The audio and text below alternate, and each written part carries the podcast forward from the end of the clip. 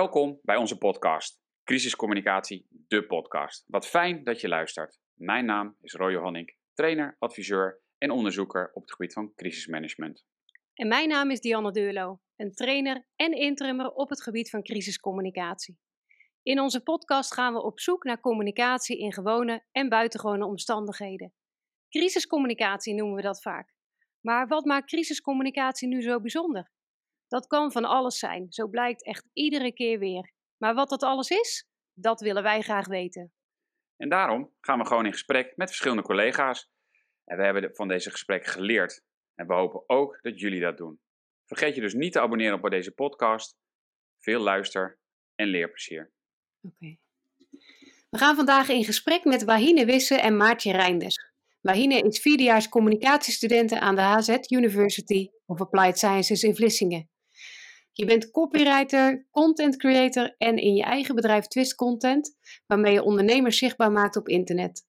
Daarnaast hou je je bezig met onder andere marketing, bloggen en werk je graag voor en achter de camera als model en fotograaf. En Maartje, jij studeert al twee jaar communicatie op de Fontes Hogeschool in Tilburg. Je interesses zijn gefocust op het gebied van communicatie, fotografie en creative writing. Je probeert graag nieuwe dingen uit, je zit nooit stil. En je bent begin 2022 begonnen met vloggen. Je hebt elke dag een nieuwe video op je YouTube-kanaal Maartje Reinders. Welkom in onze podcast. Uh, leuk om met jonge, jonge vakgenoten te praten. Um, en ja, we zijn natuurlijk benieuwd. We gaan het wel over crisiscommunicatie hebben. Uh, ja, crisiscommunicatie, wat is daar nou van in de opleiding uh, aan jullie meegegeven? Maartje, zit het bij jou in de opleiding?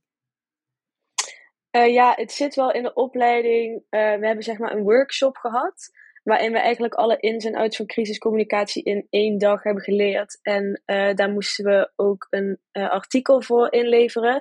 Maar we hebben het nooit echt in een lang blok of in een onderwerp echt zo diep besproken dat er echt een heel project aan vasthing. Maar het is wel in één week, dat noemen ze dan een article week is dat uh, aan bod gekomen bij ons. En dan ga je eigenlijk één week in het midden van je blok je volledig focussen op een heel ander onderwerp, waardoor je dus wel weer een nieuw gebied binnen de communicatie uh, ja, te zien krijgt en uh, kan kijken wat je daarvan vindt. Maar er is niet heel diep een, een lang semester bijvoorbeeld over, dat niet.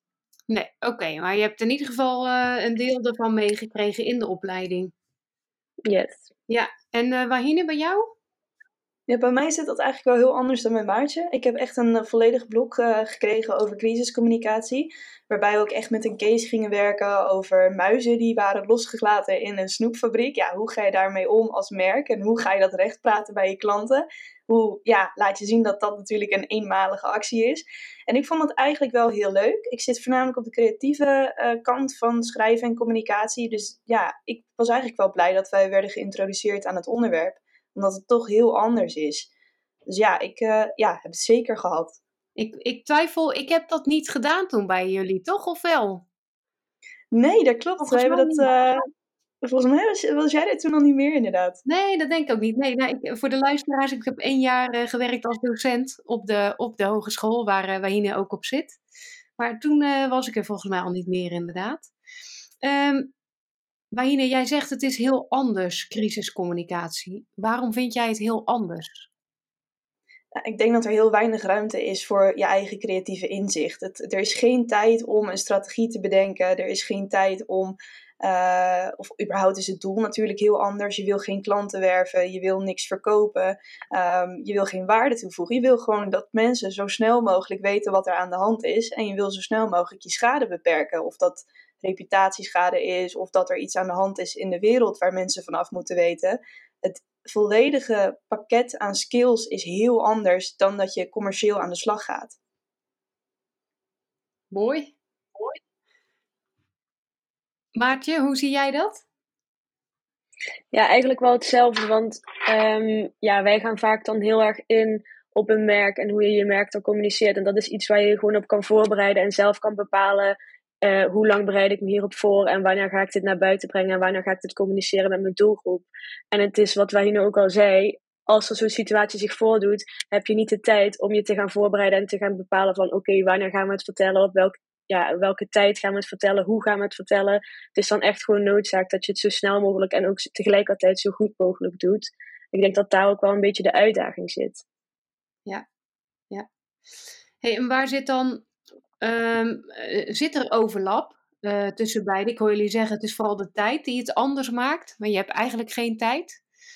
Um, zit er overlap in, um, in wat je leert in de andere vakken en in crisiscommunicatie? Of is, het, is, er, is er niks uh, hetzelfde?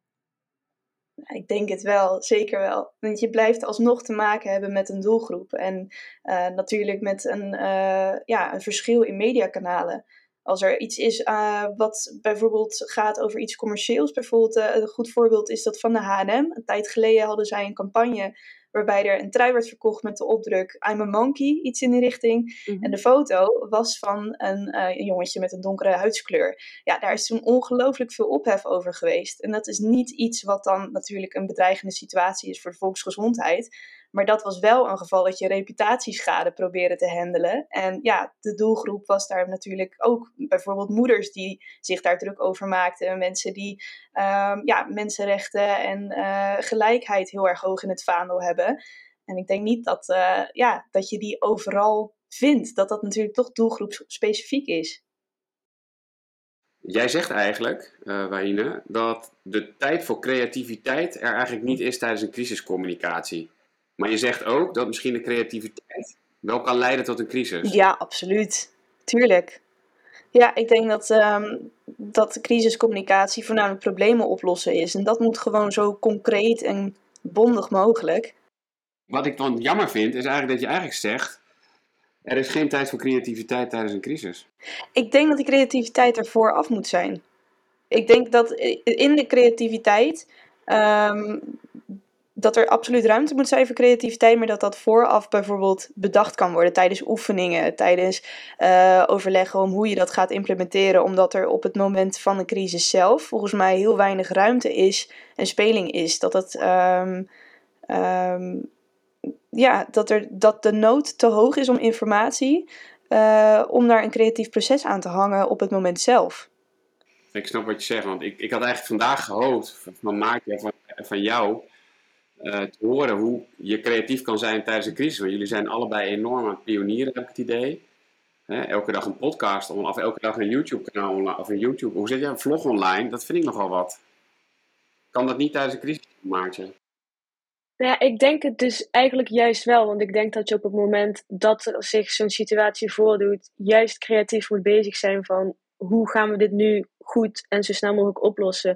Dus ik denk dat je dan onbewust, ondanks dat je denkt dat je misschien niet genoeg tijd erin kan stoppen om echt goed creatief na te denken, denk ik toch wel dat je onbewust er echt wel mee bezig bent. Want je zoekt een creatieve oplossing voor een situatie die zich heeft voorgedaan. En je moet dat zo snel mogelijk doen. En op dat moment gebruik je je creativiteit van hoe gaan we dit nu direct oplossen.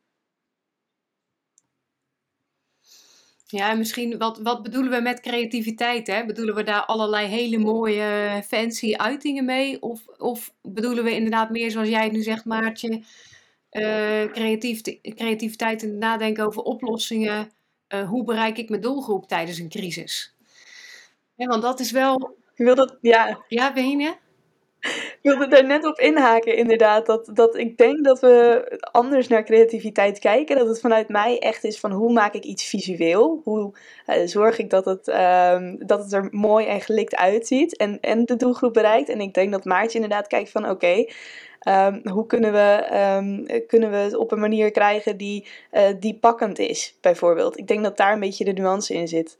Want als je het zo uitlegt, ben ik het volledig ja, met. Ik ben het ook wel inderdaad met jou eens. En ik denk dat je hier op zich een hele podcast aan kan wijden aan hoe je creativiteit kan inzetten. Want toen ik bijvoorbeeld hieraan begon, dacht ik, je bent creatief als je kan tekenen. Of als je ja, een, heel, een talent hebt, als je bijvoorbeeld goed met, bent met muziek. Maar naarmate dat je de opleiding volgt, merk je dat creativiteit zich ook op hele andere vlakken voort kan doen. En zou, zou zeg maar zo'n podcast of zo'n vlog bedoel ik, sorry weer, wij, wij zitten nu in een podcast, maar zou je een vlog, zou je dat aanraden tijdens een crisis om gewoon om het uur een vlog online te zetten? Ik denk dat het wel een goede manier is om duidelijkheid te krijgen bij de mens. En ook gewoon om ervoor te zorgen dat ze het goed kunnen begrijpen als je het iemand gewoon rustig laat vertellen. Maar ik denk aan de andere kant, als je elk uur weer iets wil laten weten, dat het ergens ook weer onduidelijkheid oplevert. Van wat is nou hetgeen wat ik nu moet weten? En dan kijk ik dan ook weer naar het creatieve stukje wat Wahine bedoelt. Daar gaat best wel veel achter zo'n vlog, zeg maar achter de schermen. Heeft het ook best wel, kost het best wel veel tijd met het editen. En überhaupt als je iets dan wil exporteren vanaf je Premiere Pro naar je wilt online gooien, daar ben je, zit ook best wel veel tijd in. Dus ik denk dat dat, ja, ik vind het op zich zou dat wel. Ja, precies, dat Ja, is de precies. tijd die je niet hebt. Ondanks dat het wel een goede methode zou kunnen zijn. Maar daar zou denk ik ook wel iets voor op te lossen. Ja, daar zou wel iets van een oplossing voor moeten kunnen zijn. Is de vorm dan, want we hebben het vooral over de vorm, is de vorm ondergeschikt dan tijdens een crisis? Is dat wat we moeten concluderen? Eh, nee, ik denk de vorm niet. Ik denk meer het medium, of ja, het medium ook eigenlijk niet. Maar ik denk meer de techniek die erachter zit, dat dat gewoon een struikelpunt kan gaan zijn. Ja, want ik hoor je zeggen van hè, dingen, stel dat je een vlog maakt, het uploaden, het bewerken, dat kost gewoon tijd. Ehm, eh, tijd is iets wat inderdaad crisiscommunicatie echt anders maakt, hè, want tijd heb je eigenlijk niet tijdens een crisis, in ieder geval veel Mhm. minder. Ehm, en misschien zit het ook in een stukje in, het, in dingen mooier maken, in het grafische, want ik denk op zich dat daar best kansen in liggen. Hè, om, eh, we hebben wel eens voorbeelden gezien hoor, van incidenten waarbij bijvoorbeeld infographics werden gebruikt. Nou, dat, dat kan best wel goed werken. Alleen de uitdaging is dan ook weer om dat heel simpel te houden. Eh, en eh, infographics is ook eh, leuk om dat helemaal vol te proppen met van alles. Maar ook dat moet wel onder tijdsdruk. Maar ik denk toch dat we daar meer in kunnen doen dan dat we nu doen. Hè? Dingen visueel maken. Ik denk, ja, Wahine, jij weet dat waarschijnlijk beter dan ik. Een plaatje zegt meer dan duizend woorden. Dus hoe kunnen we dat nou in crisistijd ook toch wat meer toepassen? Want het is niet dat er niks kan onder tijdsdruk, toch? Als ik jou nu eh, 30 minuten geef, dan denk ik dat jij toch iets heel moois kan maken. Zeker. Ik denk ook wel dat zo'n infographic inderdaad veel en veel kansen geeft. Kijk nou maar naar de coronacrisis, naar eh, het pamflet dat je kreeg op het moment dat je werd opgeroepen voor vaccinatie. Daar zat ook iets van een infographic bij. Zeker voor mensen die bijvoorbeeld eh, ja, te maken hebben met lage geletterdheid in hun gezin, eh, die het moeten uitleggen aan een oudere. Ehm, zoiets maakt het gewoon wel echt een stuk duidelijker. Dus ehm, ik denk dat de allereerste communicatie alsnog gericht zou moeten zijn op, op beeld, op, op tekst, sorry. En dat beeld wel een heel goede versterker kan worden daarvan. Mhm. Ja. En jullie, zijn- jullie zijn natuurlijk, eh, moeten toch maar eerlijk erkennen, Roy, jullie zijn een stukje jonger dan dat wij zijn. Ehm, wat, ik me wel, wat ik me wel afvraag is, ehm, ja, hoe bereiken we jullie tijdens een crisis? Ehm, hoe wil je dat de overheid jou informeert als er in jouw stad, eh, waar jij woont of op kamers zit, wat aan de hand is? Of gaat dat nu gewoon al goed? Dat kan ook een antwoord zijn, hè? Maartje, hoe denk jij daarover? Nou ja, ik denk dat de belangrijke, tenminste, ik volg op Instagram dan NOS. En daar krijg ik in principe alles wel mee van wat er in het nieuws in Nederland, zeg maar, gebeurt. Maar als hier bijvoorbeeld in mijn gemeente iets aan de hand zou zijn, zou ik eigenlijk niet weten hoe ik daarachter zou komen. Tenzij ik dan weer bijvoorbeeld een gemeente Tilburg of zo op Instagram zou volgen. Maar als ik nu, ja, als ik hier dan denk, dan denk ik van, ik zou nu, nu volg ik het in ieder geval niet. En nu denk ik, als er echt iets heftigs aan de hand is, krijg ik wel die NL-alert op mijn telefoon. Of is er wel iemand in mijn omgeving die het weet, waarvan ik wel een soort van rust en zekerheid heb. Maar ik denk ergens dan toch via Instagram dat wij wel het makkelijkst te bereiken zijn. Maar dan is natuurlijk die vraag: hoe ga je ervoor zorgen dat iedereen je volgt om de juiste redenen? Ja. En hoe ga je dat aanpakken? Ga je dat dan per gemeente of per stad of per provincie doen? Want overal doen zich natuurlijk al ja, andere dingen voor. En als je gemeente Brabant zou pakken, heb ik hier in principe niks te maken met als er in Eindhoven ergens in de buurt brand uitbreekt of zo. Nee. Nee. Terwijl ik denk dat daar stiekem toch best wel flink wat kansen kunnen liggen. Want wat jij zegt ben ik het helemaal mee eens. Ik krijg of mijn NL Alert als er echt iets aan de hand is, of ik hoor het via iemand anders. Want lokale nieuwsomroepen volg ik over het algemeen niet. Omdat er naast het nieuws wat ik interessant vind ook heel veel opvulmateriaal wordt gepost. Wat mijn, eh, mijn Instagram feed eigenlijk eh, vervuilt tussen aanhalingstekens. Wat als daar bijvoorbeeld iets van een app voor zou zijn, dat je alleen maar pushmeldingen krijgt van uh, de, het gebied waar jij je op dat moment in bevindt. Ik weet niet of zoiets bestaat. Ja, sinds kort wel. In ieder geval in Zeeland wel. Ja, ja, sorry Roy, maar Zeeland... Zeeland heeft het allemaal. nou, in Zeeland heeft wel sinds kort hebben ze bij de veiligheidsregio een app gelanceerd.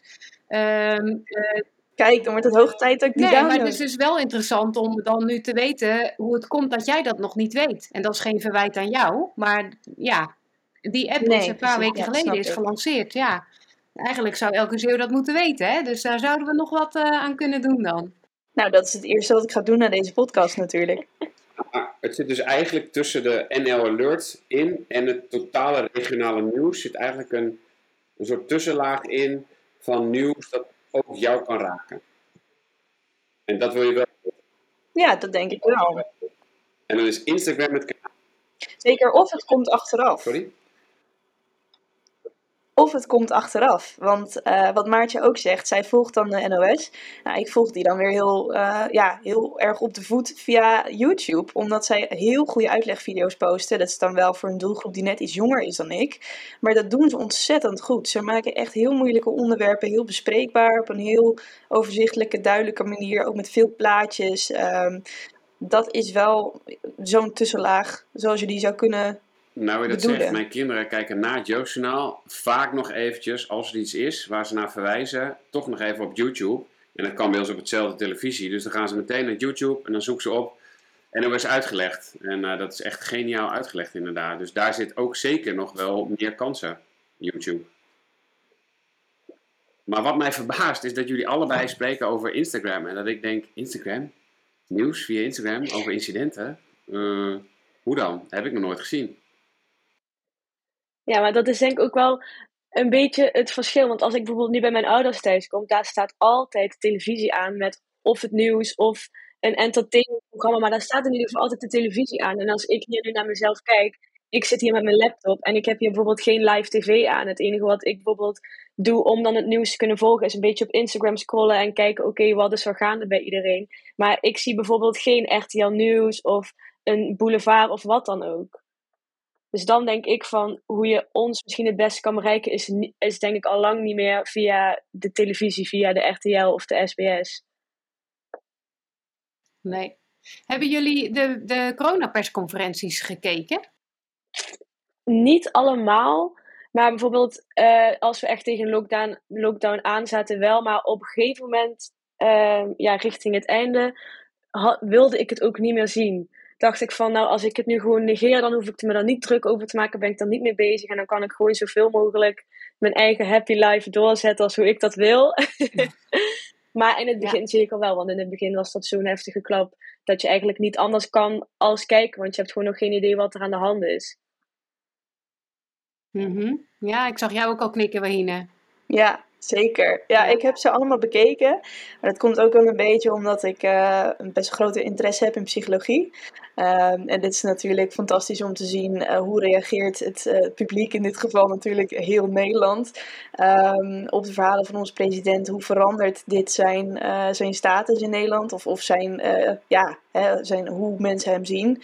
Um, dat vind ik allemaal wel heel, heel bijzonder interessant om, om te volgen. Dus ook echt op tv ja. gevolgd, niet teruggekeken via YouTube. Maar dan, doe je dat vanuit een soort professionele interesse. Hmm. Maar wat vond je ervan? Ja, bijzonder denk ik dat het goed, uh, een goed woord is. Ik denk dat er heel veel is gebeurd wat, uh, ja, dat we niet allemaal kunnen bespreken hier vandaag. Maar sowieso het verloop daarin denk ik dat ons allemaal heel erg verrast heeft. Als we kijken naar uh, wat, wat Nederlanders hebben gezegd en wat er dan vervolgens in de politiek gebeurt, lijkt niet helemaal met elkaar te stroken. En dat is wel uh, ja, het voornaamste wat me is opgevallen daaruit. Laten we zeggen dat het niet heel veel goeds heeft gedaan met het imago van Mark Rutte. Nee, eens. Ik denk dat we het nee, daarover eens kunnen zijn. ik had nu verwacht dat je heel erg over de vorm zou gaan hebben. Omdat we daarmee begonnen, van creativiteit, hoe doe je Maar je gaat toch op de inhoud in, zeker op het proces. Ja, ik denk dat het als het gaat over de vorm, voor de meeste mensen van mijn leeftijd voornamelijk interessant is om daar gewoon een compilatie van te zien van de hoogtepunten. Ehm, dat niet iedereen de tijd en de interesse heeft in het opvulmateriaal en het piepschuim noem ik het altijd maar in het gesprek. Dat we echt gewoon concreet willen weten waar zijn we aan toe. En dat kan op Instagram en op Instagram Stories en op NOS, YouTube. Zeker. Zeker, ik denk dat dat echt wel de beste, eh, ja, beste media zijn. Zeker omdat je daar ook wat extra content kan geven. Weet je, op Instagram heb je natuurlijk een afbeelding of een video, maar je hebt ook nog een caption. Dus als er niet genoeg informatie staat of je aandacht wordt gegrepen door de foto of door de video, kan je nog in het bijschrift wat meer lezen achter de achtergrond. En je hebt ook direct een publieke opinie eronder staan in de comments. Dat is bij YouTube zo, dat is bij Insta zo. En bij Twitter gaat het toch al gauw wat meer over wat mensen zelf van een bepaalde situatie vinden. Daar heb ik niet zoveel aan. Daar, daar ben ik niet zo in geïnteresseerd. Ik wil meer het hele plaatje in één keer. En zeker Instagram en YouTube bieden die mogelijkheid gewoon heel goed. Ja. Hm, ja. Nooit zo gerealiseerd eigenlijk, maar ik snap wel wat je zegt. Ja. Ja. Zo'n podcast al niet goed voor is. Nou, inderdaad. Ja, eh, de- oh, dan denken we, het is soms gewoon al wel lastig om alles een beetje bij te houden. hè. Het gaat zo hard Ach, eh, ja, in, in, in alle nieuwe kanalen. En eh, Nu word je een oud tante. ja, inderdaad, we doen ons best. Maar, maar Nou, soms voel ik me al oud hoor, met al die nieuwe social media kanalen. En ik ben echt net twintig, dus dat... eh, Ja. Maar wat ik geinig vind, is dus eigenlijk is Instagram en YouTube, is eigenlijk mijn constatering nu, zouden we veel meer moeten gebruiken tijdens crisiscommunicatie. We zouden dus ook veel meer moeten gebruiken in de voorbereiding om filmpjes met alle NOS uitgelegd, tijdens de crisis uitgelegd. Hoe werkt het eigenlijk? Hoe werkt een kopie? Hoe werkt een ROT? Hoe werkt een beleidsteam? Eh, waarom duurt het soms zo lang voordat je een antwoord kan geven? Hè, procesinformatie, procescommunicatie. Dat kan je natuurlijk allemaal voorbereiden, die filmpjes. Die kan je allemaal dan online zetten. Eh, hoe, hoe, gaat het, hoe gaat een persconferentie eh, aan het werk? Dat kan je allemaal natuurlijk als ondersteunend materiaal online zetten en dan erin gooien. En NO Alert, waarom krijg jij hem wel, waarom krijgt een ander hem niet? Dus er is zoveel. Dat is ook echt, ja, zeker. Dat is ook echt iets wat ik me bedacht voordat we dit gesprek ingingen. Toen, eh, toen ik de vraag natuurlijk een beetje zat door te nemen met wat zijn eventuele verbeterpunten voor crisiscommunicatie. Dacht ik ook echt van ja, ik, ik wil eigenlijk wel gewoon weten hoe het werkt. Mhm. Eh, voordat ik het op mijn opleiding kreeg, wist ik het ook niet. En je ziet ook dat heel veel mensen niet snappen hoe het werkt. Als je kijkt naar de responses op, op bijvoorbeeld social media over eh, bepaalde stappen die de overheid zet. Waarom worden dan die keuzes gemaakt? Waarom duurt het zo lang voordat ik een antwoord krijg? En waarom zijn zoveel mensen het er niet mee eens? Kan het, kan het niet wat sneller? Kan ik niet wat meer info? Dus ja, dit zou ik een heel goed idee vinden. En ik zou het ook kijken. Ja, en ik denk ook. Ja, ik denk ook dat je dan ook een stuk meer een, dat stukje begrip van de bevolking krijgt van wat je zegt, waarom duurt het zo lang. En als het hun duidelijker wordt uitgelegd, komt er denk ik ook minder negatief, of minder negatief commentaar. Omdat ze er ook meer van snappen en omdat ze zich misschien dan ook meer kunnen verplaatsen in de situatie. Ja. En Twitter is gewoon dus ook gelul in de ruimte, daar moeten we niks meer mee doen. Ik zit er in ieder geval niet op. Wa- Wahien, doe jij er nog wat mee? Amper. Ik kijk er nog wel eens op om de tweets over Boer zoekt vrouw te volgen. Want als er iets interessants is, is dat het. Maar nee, voor de rest is het ook echt... eh, nee. nee, ik heb een mening van mezelf. Dus ik hoef die van een ander via Twitter echt niet te lezen. TikTok? Ja, dat is puur entertainment. Ik weet niet hoe Maartje daar naar kijkt. Nou ja, TikTok is vooral, eh, voor mij is het bekend om, als ik er maar eenmaal op zit, is het ineens twee uur verder. En dan is het ineens midden in de nacht en denk je, ik had al lang moeten gaan slapen. Maar het is zo verslavend en je blijft maar scrollen. Maar is, is entertainment. Ja. Ja, en het is een leuke bezigheidstherapie. Tenminste, dat vond ik toen eh, eh, we net in de lockdown zaten. Ja, het enige wat ik deed was die stomme dansjes met iedereen oefenen. Want dat was waar ik me mee bezig hield op zo'n dag. Ik had niks te doen, want ik zat in een tussenjaar. En ik werkte in de horeca, dus ik had en geen werk en geen school. En een vriendin van mij zat in dezelfde situatie. Dus het enige wat ik met haar heb gedaan is... wij zijn iedere dag samen gaan afspreken... en al die stomme filmpjes gaan kijken en gaan oefenen en gaan doen. En dat was op zich wel een leuke tijdsbesteding. Maar het is wel puur entertainment, ja. En Snapchat is dan ook gewoon tijdverdrijf, niet voor een crisis. Nee, Snapchat doe ik vooral met mijn vrienden om een beetje te zien van wat zijn zij nu aan het doen. En dat is echt gewoon met je close vrienden die dan een foto sturen van bijvoorbeeld wat ze vanavond aan het eten zijn. Of wat ze aan het doen zijn, of dat ze aan het werken zijn. Of eh, dat ze met bepaalde vrienden zijn. Mhm. Ja, dus eigenlijk de, de, de, de, de tip eh, van jullie is... ehm, investeer nou in al dingen aan de voorkant uitleggen, hoe dingen lopen. Misschien ook een stukje procescommunicatie. Hè? Hoe loopt het proces? Eh, maar ook eh, de dilemma's. Waar lopen we tegenaan?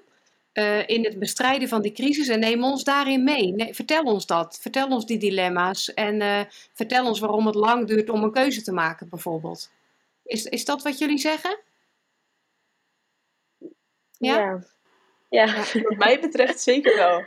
Ja, ja. ja we hadden wel, ehm, op zich dilemma-logica wordt dat vaak genoemd eh, binnen ons vak. Dat is ook wel iets wat we al een paar keer hebben besproken in andere podcasts.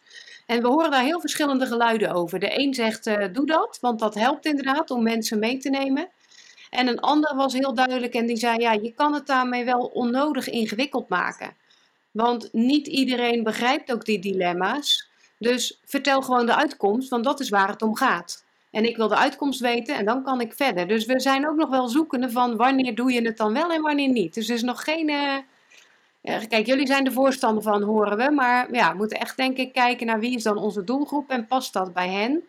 En kunnen ze dit, eh, kunnen ze dit aan, zeg ja, maar. en anders misschien Ik denk ook wel dat wij degene zijn die... Sorry. Oh, sorry. Wil jij eerst? Nee, ga maar. Nee, maar niet uit. Ga maar eerst. Ehm, is leuk. dat het, dat het eh, misschien belangrijk is dat je daarin een duidelijk onderscheid kan maken. Dus dat als ik het opzoek, dat ik dan duidelijk zie. eh, wat is hetgeen, wil ik nu alleen weten wat de uitkomst is? Of ben ik ook geïnteresseerd om nu te weten wat het proces is en om het beter te begrijpen? Dus als je dat onderscheid gewoon duidelijk kan maken voor degene die daarna op zoek is of voor degene die het kijkt, dan denk ik wel dat je met eh, beide mogelijkheden de juiste mensen bereikt.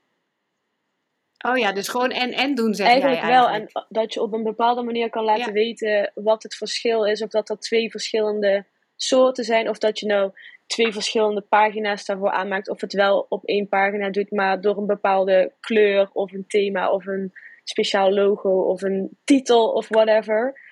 eh, dat je wel het onderscheid duidelijk maakt. Want dan kan ik er alsnog zelf voor kiezen waar ga ik naar kijken. En dan zie ik uiteindelijk wel het juiste wat voor mij goed bedoeld is. Ja, mooi. Waar ik zelf aan zit te denken, eh, al een tijdje, is denk ik dat we veel meer met WhatsApp kunnen tijdens de. En dan wel in de publiekscommunicatie. Hebben jullie daar nog beelden bij? Want ik, ik denk dat het onderbenut is, toch? WhatsApp Ja, bedoel in je? de pu- publiekscommunicatie tijdens een crisis. Ik denk dat het heel veel eh, onbenut is. Ja, Hmm, ja, ik denk, ik denk inderdaad dat je daar wel een punt bij hebt. Ehm, al moet ik zeggen dat WhatsApp ook wel ja, heel, heel gevoelig is. Eh, het is net zoiets als met een doorfluistergeheim. Het begint bij één persoon en het eindigt met een heel ander verhaal bij de tiende. Als ik een berichtje doorkrijg over bijvoorbeeld Peter R. de Vries. Nou, we weten allemaal dat die filmpjes razendsnel verspreid zijn in groepen. Mhm. Eh, op het moment dat hij werd neergeschoten, eh, werd het er gelijk gefilmd. Eh, die zijn denk ik heel Nederland doorgegaan. En de verhalen die je daarbij kan verzinnen zijn heel anders. Ehm, de een zei dat het zelfs een andere Nederlander was, dat het niet eens een bekende Nederlander was. De een zei dat het in Haarlem was, de ander in Amsterdam. Je kan met WhatsApp veel, maar ik denk dat er dan wel een bepaalde beveiliging op zo'n bericht zou moeten zitten. Dat je eh, er niet een eigen roddel van kan maken, of dat het niet zijn eigen leven kan gaan leiden. Dat het wel bij de feiten blijft. Ja, maar d- dan zit je toch eigenlijk gewoon, we zorgen ervoor dat de bron wordt doorgestuurd. En dat de NOS, YouTube, dat is Omroep West om, of Omroep Gelderland, Instagram. Dat is dan de bron. Of gewoon de gemeente Breda, de gemeente Tilburg, de gemeente Maastricht, Middelburg. Dat is de bron. Die stuur je door. Dan, eh, eh, weet je, dat, ik, zit daar, ik zit daar wel, ik denk ja, zou dat niet kunnen. Toen ik op Urk heb gewerkt, heb ik dat namelijk wel geprobeerd. We hebben een WhatsApp-groep, hebben een WhatsApp-bericht gemaakt eigenlijk, die de burgemeester als eerste eh, verstuurde. En vervolgens gewoon ehm, ja, gekeken van, nou ja, la- laat het maar gebeuren, laat het maar doorsturen. Weet je, het, het is eenvoudig, Ja. denk ik. Nou, dan zou je al Ja, moeten kijken inderdaad ja, naar een, eh, een soort van afbeelding. Of wat je zegt, inderdaad een infographic waar we het daar straks nog over hadden. Als je zoiets wat gewoon makkelijk is om gewoon op dat doorstuur-icoontje te klikken en het gewoon door te sturen, maar niet uh, wat Wahine net zegt, dat het zijn eigen, leven, zijn eigen gaat leiden. Ja, dat kan natuurlijk altijd, want uh, nou ja, dat, zien we, nemen dit op net na het verschrikkelijke drama met het jongetje Gino. En daar is ook veel online gebeurd natuurlijk. Ik ben uh, daarover ook nog geïnterviewd door de Limburger over dit aspect. En in mijn opmerking was van ja, we moeten niet, we moeten misschien ook als samenleving daar eens over na gaan denken. Dat we inderdaad niet automatisch alles doorsturen. Maar dat we ook nadenken over wat de gevolgen zijn voor uh, degenen die betrokken zijn. En, en, en voeg geen informatie toe, hoor ik jullie zeggen. En wees je bewust of de bron wel klopt. Ja, voornamelijk dat. Dan wil ik eigenlijk toch nog wel even terugpakken op wat Diana net zei, ook over de opmerking van de persoon die zei van, joh, leg het niet uit, want je maakt het uh, wat moeilijker, onnodig ingewikkeld. Dit is ook weer zoiets van, voeg geen informatie toe en zoek zelf uit wat klopt en wat niet klopt. Ik denk dat de generatiekloof daarin ook redelijk aanwezig is, want als je kijkt naar de afgelopen twintig jaar, is de individualisering zo hard gegaan. vroeger ging je naar een bank toe, en dat heb ik ook nog meegemaakt als kind, dat er banken waren waar we naartoe gingen. En nu regel je alles online via bankzaken. We willen steeds meer zelf weten. En dat is ook zo, denk ik, met de studenten van tegenwoordig. Wij worden al vanaf moment 1 uitgelegd dat er ontzettend veel fake nieuws is. Als wij een bron willen gebruiken in een onderzoek of een verslag voor school, moeten we minstens vijf andere bronnen vinden die dat onderbouwen. Die dus hetzelfde verhaal vertellen om te kijken of het inderdaad wel strookt met de werkelijkheid. Met echt wetenschappelijke onderzoeken bijvoorbeeld. En dat is iets wat met dit ook heel erg belangrijk is. Wij willen zelf, denk ik, dan zal ik voor mezelf spreken, maar ik heb ook genoeg vrienden die dat denk ik kunnen onderbouwen. Um, we willen gewoon weten hoe het zit en wat de echte waarheid is. En we zijn ook niet echt bang om daar zelf naar te zoeken.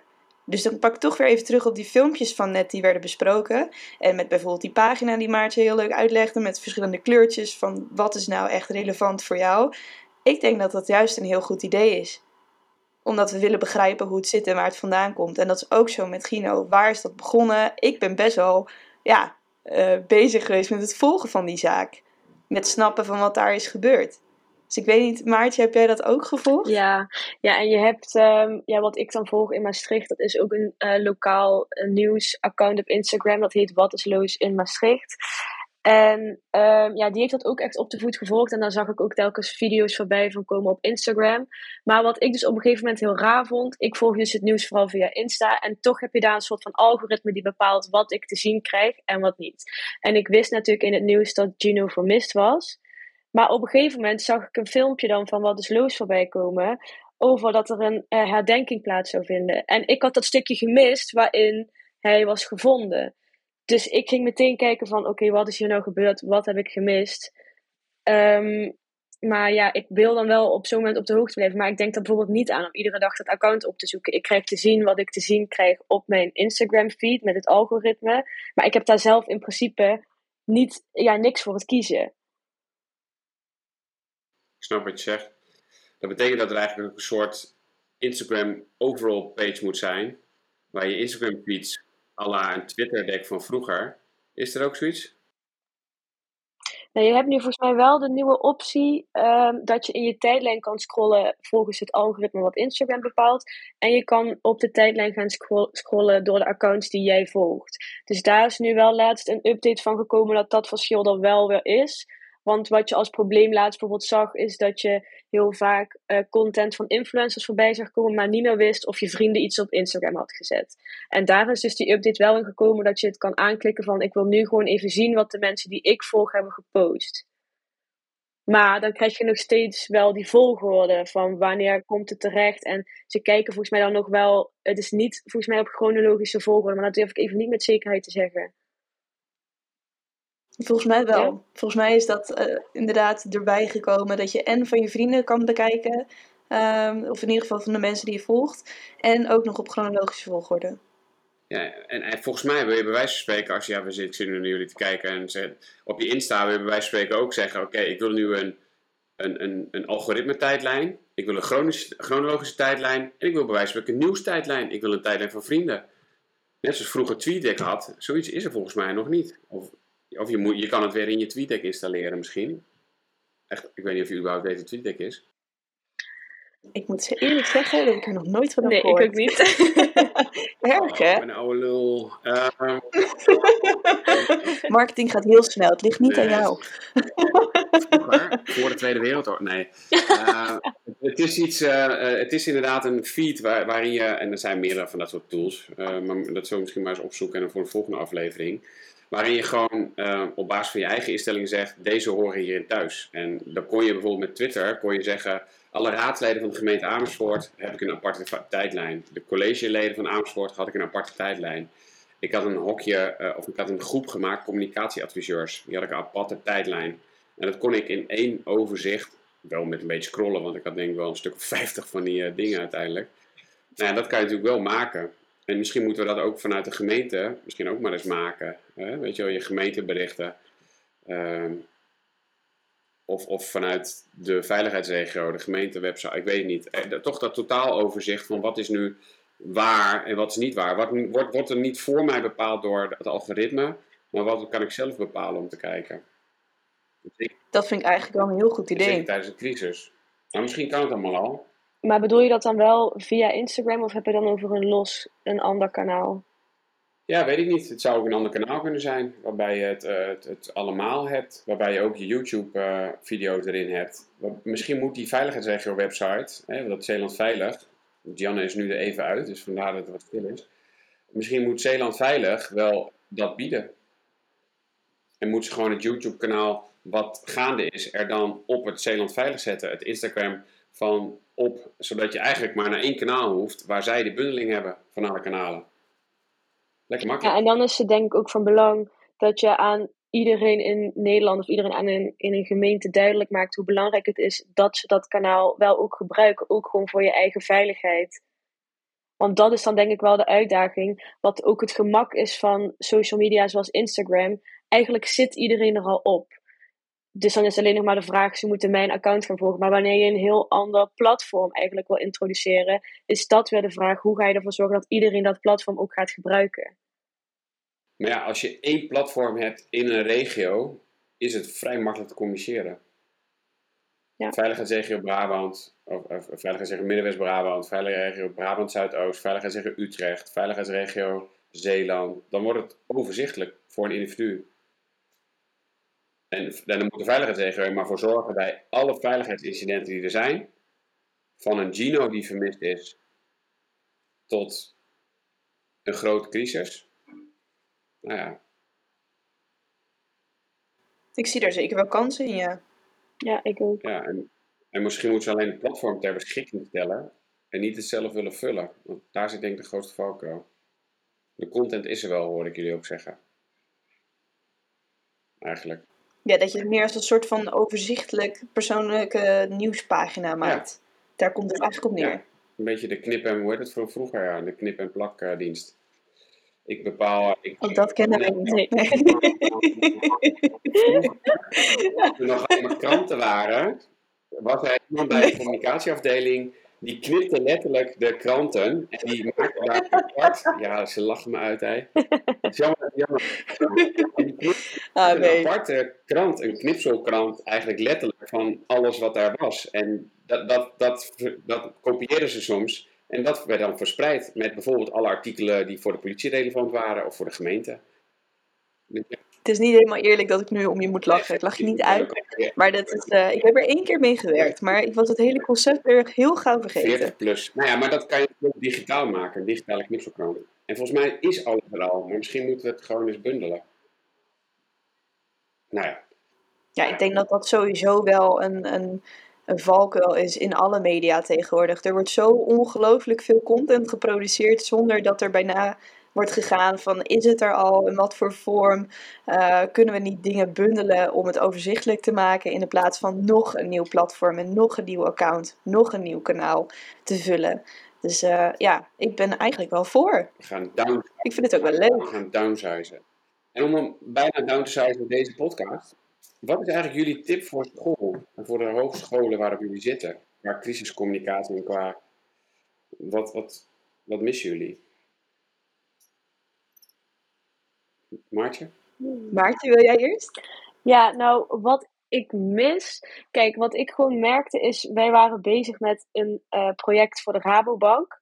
En midden in dat project kregen wij dan te maken met woordvoering en crisiscommunicatie. En waar we dan ook de workshop hebben gekregen van Roy.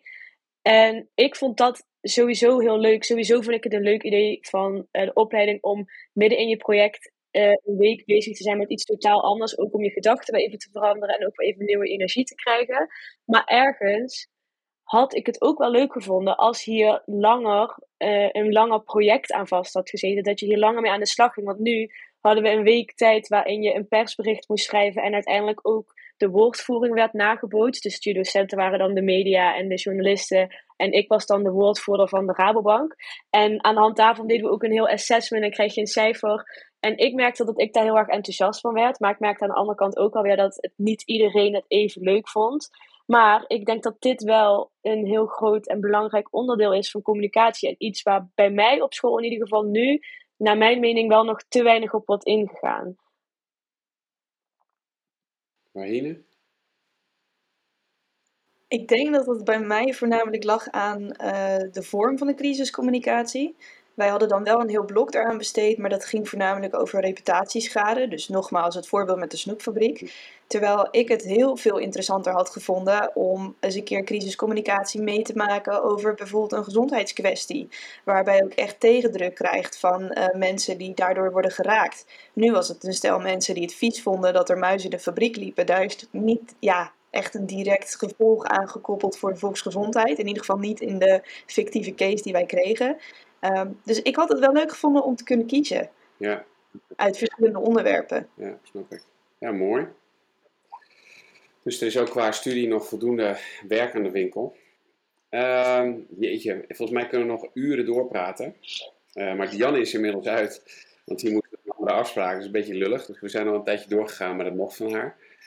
Ik wil jullie hartelijk bedanken. En weet je, ik ga denk ik kijken of Dianne een soort samenvatting kan maken. Maar de samenvatting voor mij is wel dat Instagram en YouTube eigenlijk onderbenut is nog op dit moment tijdens de crisiscommunicatie. Daar kunnen we echt meer mee doen. We kunnen in de voorbereiding ook veel meer doen met um, het voorbereiden van video's um, zo, en teksten en plaatjes die dan tijdens een crisis gebruikt kunnen worden.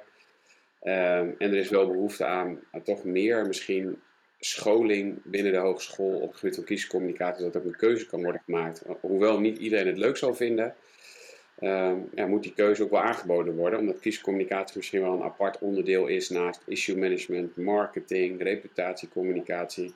Noem het allemaal maar op. Dus het zou eigenlijk gewoon breder onderwezen moeten worden. Dus uh, ik heb in ieder geval genoten. Ondanks de lichte uh, haps en snaps. We zullen kijken hoe de, de podcastaflevering wordt. We gaan er wat van maken. En ik hoop jullie misschien nog een keertje weer te spreken. Eens kijken over een jaar of zo. Lijkt me ja, ik ben heel benieuwd ja. naar de podcast. Ik vond het leuk om je te ontmoeten. Yes. Bedankt voor het luisteren. Wil je meer horen van onze zoektocht naar wat crisiscommunicatie zo bijzonder maakt? Vergeet je dan niet te abonneren op onze podcast. Tot een volgende keer. En delen, dat mag uiteraard.